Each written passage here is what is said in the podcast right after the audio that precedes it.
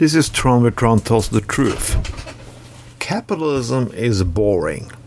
Yeah, it bores me. I don't know why. Yeah, yes, I do know why. But let me tell a little story. Uh, when I grew up in Norway in the 80s and 90s, the choices were fewer. Yeah, we didn't have access to. Most people didn't have cable TV, and we had one, two TV channels, and and a lot of things in the shops. Well, we didn't have so much. We did. We didn't have enough, so we we we did live okay. But it was something strange the first time I saw commercial on TV, on cable TV. I think it was Sky Channel in the early 80s. A lot of commercial, a lot of beautiful, fantastic things. We just got them, life would be so fucking happy. I remember the first McDonald's commercial. Yeah. Wow. Those happy families and perfect people, and everything was so good. Well, I even traveled to London in 87, I remember, with my mother and sister. And I, I took the some of the things I got on McDonald's home with me. Yeah, that little tray you have French fries in. Yeah, I say French fries. So fuck you, conservatives. I used to have that. I dreamed about the way the day McDonald's come to Norway.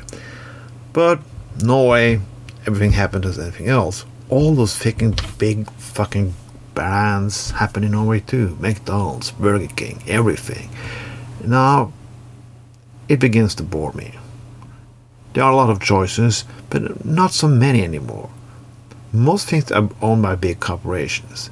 If you just go in to say what who owns Marvel, it's the same who owns Disney, who owns, who owns, who owns, who owns, who owns. Yeah.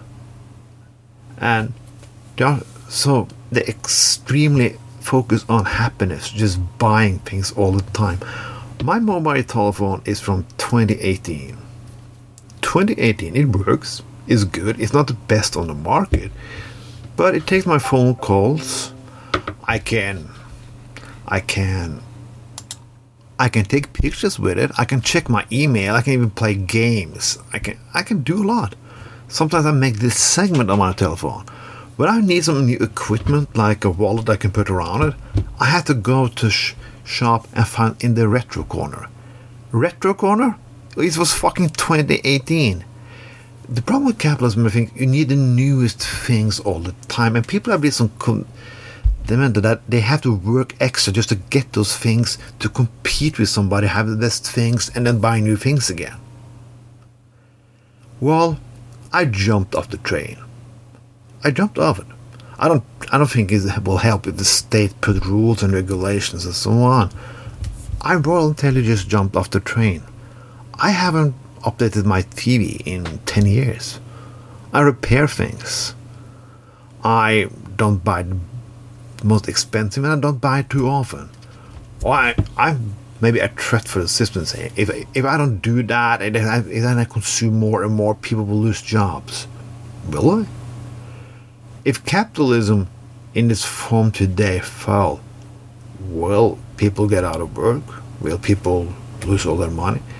people losing their money today because people not getting paid. Fair enough. But I'm stressed on off by all this shit. And people are stressed too.